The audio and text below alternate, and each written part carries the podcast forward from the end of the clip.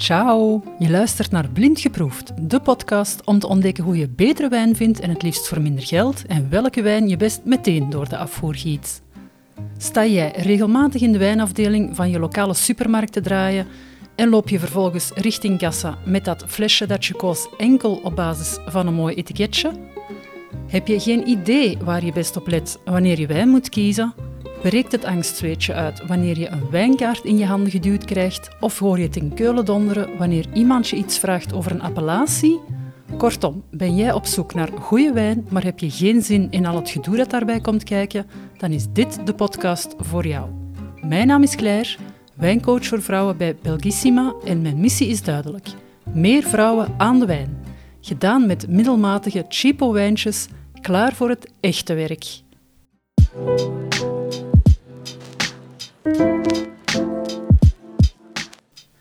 Welkom in aflevering 5 van Blind Geproefd. Wordt elke wijn beter met de jaren en kun je zomaar elke wijn bewaren? Dat is de vraag waar ik vandaag in wil duiken. Want het blijkt een hardnekkige mythe dat elke wijn sowieso beter wordt met de jaren en dat je dus maar beter plaats hebt voor een grote wijnkelder wil je een beetje fatsoenlijke wijn drinken. Wat ik ook vaak hoor en zie, is dat wijn dan in zo'n wijnrekje in de living wordt gelegd, liefst nog lekker dicht bij de verwarming, want dan kan de wijn alvast goed chambreren. Wel, sorry, maar nee, dat is dus niet the way to go en ik leg je vandaag ook uit waarom dat, dat zo is. Heel wat opvattingen over wijn en dus ook de stelling dat je wijn maar beter een hele tijd kunt bewaren voordat je hem gaat drinken, stammen nog uit de tijd dat wijn bijna altijd rood was en per definitie uit Frankrijk kwam. En meer bepaald uit de traditionele appellaties in Bordeaux, in Bourgogne en vooral in Cahors. En Cahors is echt het schoolvoorbeeld van wijnen die gemaakt worden om jaren weg te leggen voordat je er nog maar aan kan denken om een fles te openen om te kijken of die al op dronk is. Cahors stond en staat nog steeds bekend om haar diepgekleurde Malbec-wijnen, inktzwart, geconcentreerd, uh, motorolie heeft er niks bij. Maar dan spreek ik echt letterlijk over decennia geleden. Wijn werd vroeger op zo'n manier gemaakt dat hij quasi ondrinkbaar was op het moment dat hij op de markt kwam. Ondrinkbaar omdat hij heel stroef was, heel hoekig, met superveel onaangename tannines.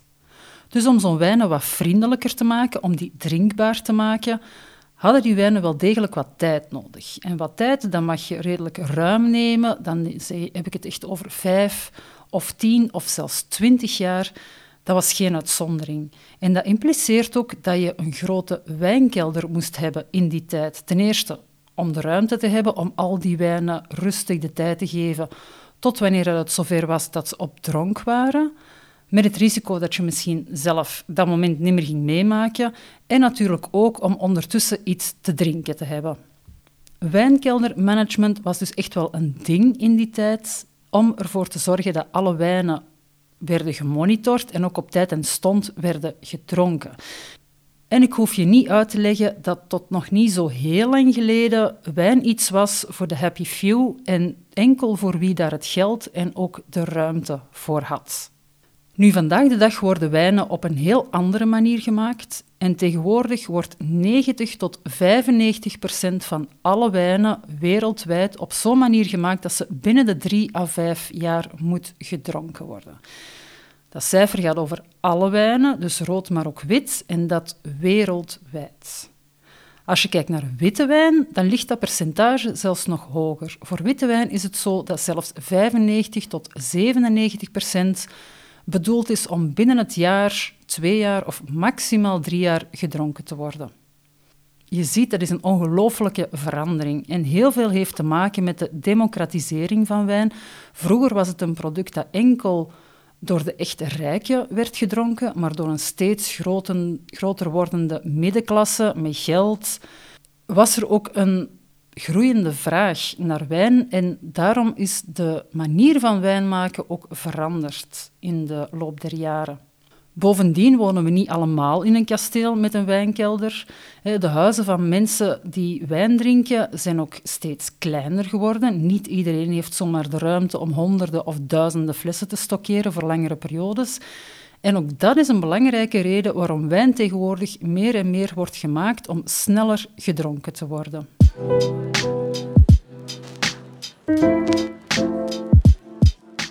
Nu, die resterende 10 tot 15 procent van wijnen die wel nog wordt gemaakt om lang te bewaren, wat zijn dat dan voor wijnen en waar vind je die vooral terug? Het zijn vooral klassiek gemaakte rode wijnen uit Frankrijk, Italië en ook wel Spanje. En hier en daar misschien af en toe iets in de nieuwe wereld, zoals Argentinië of Chili of Australië. En in het algemeen is het echt het type van wijn dat op het moment dat het op de markt komt niet zo aangenaam is om te drinken, maar die dat echt gemaakt zijn om pas na een periode van 10 of 15 of 20 jaar gedronken te worden. Het zijn heel dikwijls diepgekleurde, geconcentreerde wijnen met heel veel tannines. Hoe smaken tannines eigenlijk? Wel, het is een fenomeen dat je vooral in de mond kunt merken en dat een heel uitdrogend effect heeft. Het beste merk je het op je tandvlees en dan vooral wanneer dat je een slok rode wijn neemt en die in je mond laat rondgaan en als je dan vervolgens die wijn doorslikt of uitspuwt, dan blijft er een laagje achter op je tandvlees en uh, de plaats waar je het het ergste merkt is, de is je tandvlees net boven je voorste snijtand, je bovenste snijtanden. Het voelt een beetje agressief aan, uh, ook wel wat bitter. En je hebt meteen de neiging om een slok water te nemen om dat onaangename gevoel uit je mond weg te spoelen. Want tannines merk je vooral in het mondgevoel veel meer dan dat het echt een smaak is. Waar komen die tannines dan in godsnaam vandaan en kunnen ze die niet gewoon achterwege laten? Wel, tannines kom je voornamelijk tegen in rode wijn en vooral in wijn die houtrijping heeft gehad. En wat bedoel ik met houtrijping?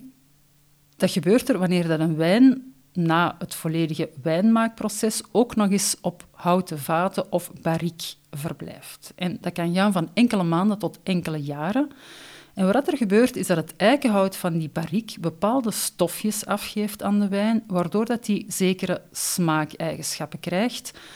Maar een van de belangrijkste bijwerkingen is dat de wijn hierdoor een veel groter bewaarpotentieel krijgt.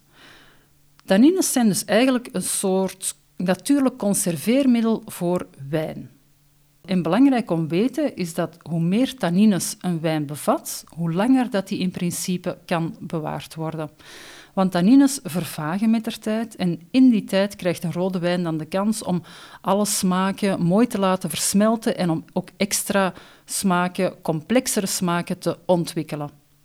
De meeste duurdere rode wijnen hebben praktisch altijd houtrijping gehad, waardoor ze meer complexe smaken kunnen ontwikkelen dan jongere wijnen. In tegenstelling tot rode wijnen hebben de meeste witte wijnen geen of maar heel weinig tannines, omdat ze op een heel andere manier gemaakt zijn dan rode wijn. En vaak merk je niet eens in een witte wijn dat er tannines aanwezig zijn. De meeste witte wijnen krijgen dan ook wel geen houtrijping, maar zelfs als dat wel gebeurt, dan blijven die hoeveelheden heel laag en werken ze zeker niet zo uitdrogend zoals dat, dat bij rode wijn wel het geval kan zijn. Nu, geen of weinig houtrijping, daar kun je dus al meteen uit concluderen dat witte wijn niet is gemaakt om lang te bewaren. En dat is de algemene regel voor witte wijn. En hetzelfde geldt trouwens ook voor rosé. Er zijn maar enkele uitzonderingen en dan zijn het meestal eerder dure en exclusieve wijnen.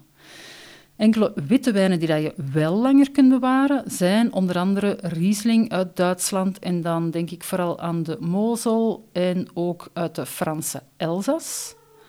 Andere voorbeelden van bewaarwijnen in wit vind je ook in de Chardonnays uit Bourgogne, zoals bijvoorbeeld een Meursault of Viognier, een witte druivensoort uit de noordelijke Rhône in Frankrijk. En dat vind je dan vooral in Condrieu. En ook nog wel sommige Chenin Blancs uit de Loire, die laten zich heel goed bewaren. Maar dat zijn echt uitzonderingen.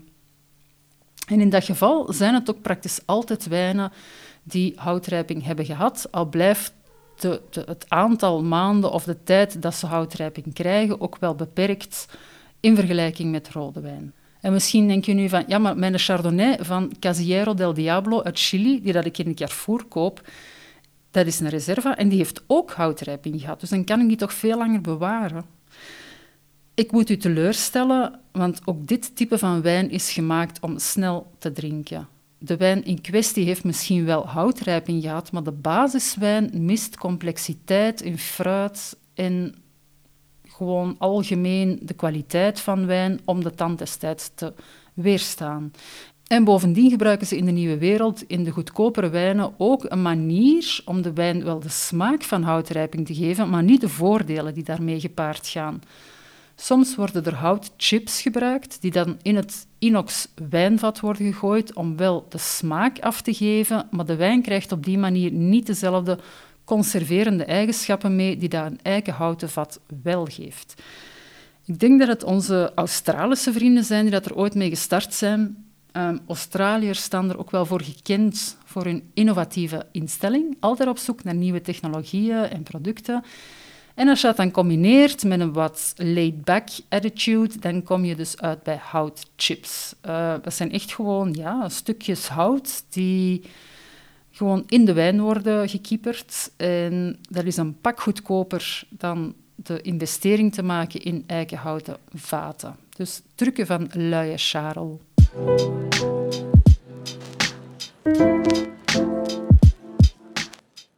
Maar goed, de meeste witte wijn die drink je dus binnen de 1 à 2, maximaal 3 jaar na de oogst. En het is van groot belang dat witte wijn, en trouwens alle wijn, op een donkere en liefst frisse plaats wordt bewaard. En dus zeker niet in de living, waar er veel licht is en waar er ook heel veel temperatuurverschillen zijn. Want licht en warmte zijn eigenlijk dat zijn een van de grootste vijanden van wijn. Dus de conclusie is, witte wijn wordt niet beter met de jaren. Drink die dus alsjeblieft op tijd en laat hem niet liggen verpieteren totdat hij helemaal foutu is. Wat rode wijn betreft en of je die kunt bewaren, hangt alles af van hoe dat de wijn in kwestie is gemaakt. Wijn met veel tannines en de noodzakelijke ingrediënten om goed te kunnen verouderen, zoals kwalitatief fruit en voldoende complexiteit, kunnen wel degelijk beter worden met de jaren, op voorwaarde ook dat de bewaaromstandigheden optimaal zijn. En dat betekent op een donkere, koele plaats, waar dat die wijn rustig een beetje kan soezen en waar dat die niet elke vijf minuten wordt opgeschrikt door licht of warmte of trillingen. Want ook trillingen kunnen het stabiel rijpen van wijn verstoren. Zo liet een van de uh, grote of betere Spaanse wijnhuizen uit Rioja, Bodegas Baigorri, ooit een weg omleggen toen dat ze merkten dat de nieuwe snelweg en het verkeer dat daarmee gepaard ging, dat dat trillingen veroorzaakte in hun wijnkelders. En dat was niet goed voor de manier waarop het de wijn uh, rijpte. Dus uh, ze vonden er niet beter op dan gewoon een nieuwe weg te laten aanleggen. En Spanje en zeker Rioja is ook heel gekend voor lange rijpingstijden van haar wijnen. Dus het zegt ook heel veel over het belang van een rustige omgeving waarin de wijn wordt bewaard. Maar dus het gros van de wijnen vandaag de dag wordt gemaakt op een manier die vraagt om snel gedronken te worden. Veel van die wijnen missen ook wel de tannines en de complexiteit om langer dan enkele jaren te verouderen. En vooral wijn uit de nieuwe wereld wordt gemaakt voor instant drinkplezier en wordt er absoluut niet beter op door die lang te bewaren. Integendeel. En er zijn altijd uitzonderingen. Elk wijnland heeft zowel zijn topregio's waar er ook complexere wijnen worden gemaakt, die wel lang kunnen bewaard worden. Um, maar het zijn daar eerder uitzonderingen. Natuurlijk zijn er ook rode wijnen die dat speciaal gemaakt zijn om hun fruitige karakter te benadrukken. Dat zijn dan eerder zomerse wijnen, die het ook heel goed doen bij wat hogere temperaturen. Wijnen die vooral gemaakt zijn om hun fruitige karakter uh, in de verf te zetten. En dan wil je als wijnmaker zeker geen extra houtrijping geven aan de wijn. Dat streeft zijn doel dan helemaal voorbij. Bijvoorbeeld in Spanje vind je in heel veel regio's de typische Joven-wijnen, uh, dus Joven jong, uh, op een manier gemaakt die heel veel fruit als karakter heeft. En heel vaak in Spanje zijn dat wijnen gemaakt van Tempranillo, met een heel uitgesproken karakter van rood fruit, op een manier gemaakt dat dat ook nog eens heel fel wordt versterkt, heel vaak door maceration carbonique. Ehm, een beetje tutti-frutti-achtige uh, karakters. En dat soort wijnen drink je dan ook best zo snel mogelijk en zelfs voordat de volgende jaargang op de markt komt.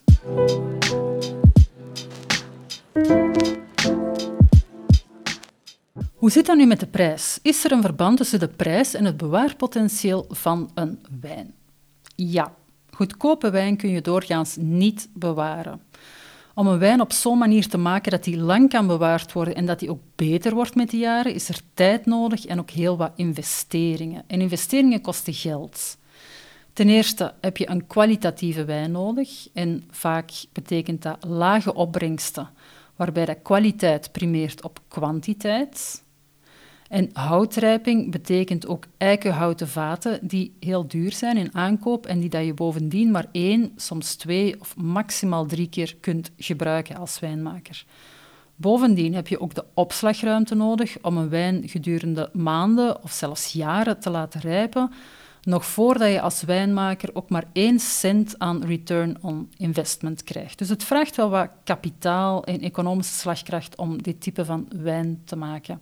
Je kunt er dus van uitgaan dat rode wijnen onder de 10 of 15 euro zelden of nooit een bewaarpotentieel hebben van meer dan drie jaar. In het verleden kreeg ik al wel eens vaker de vraag van vier prille ouders die graag een fles uit het geboortejaar van hun kind willen kopen, om die dan vervolgens te kunnen openen op de 18e verjaardag van hun zoon of dochter.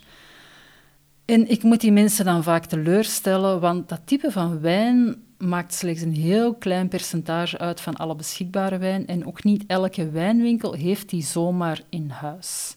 Daarvoor moet je al echt naar een gespecialiseerde handelaar of ook een veilinghuis bijvoorbeeld. In België heb je een firma die heet Belgian Wine Watchers en die zijn gespecialiseerd in de aankoop en verkoop van oudere jaargangen.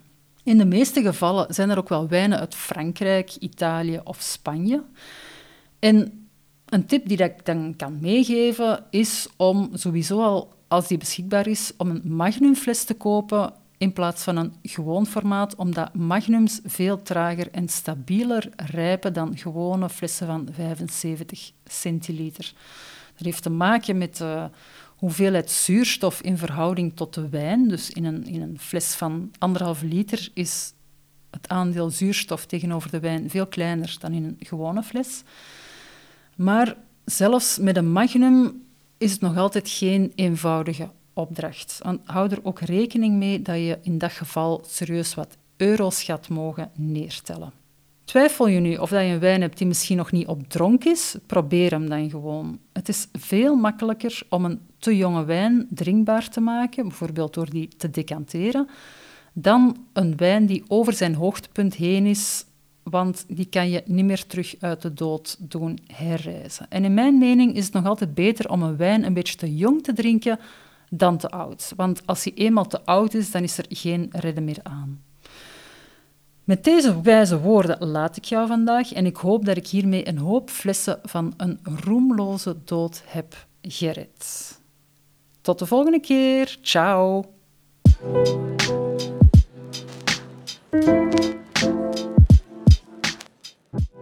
Zo, dat was hem voor deze keer. Ik vond het super dat je erbij was en ik hoop dat je er evenveel aan hebt gehad als ik. Heb je de smaak te pakken en wil je je nog verder onderdompelen in wijn? Volg dan de podcastshow Blind Geproefd. Die vind je terug op Spotify en Apple Podcasts. Wist je dat je ook heel makkelijk een review kan achterlaten over deze podcast? Ga naar de podcast-app waarmee je deze podcast beluistert en klik op Reviews.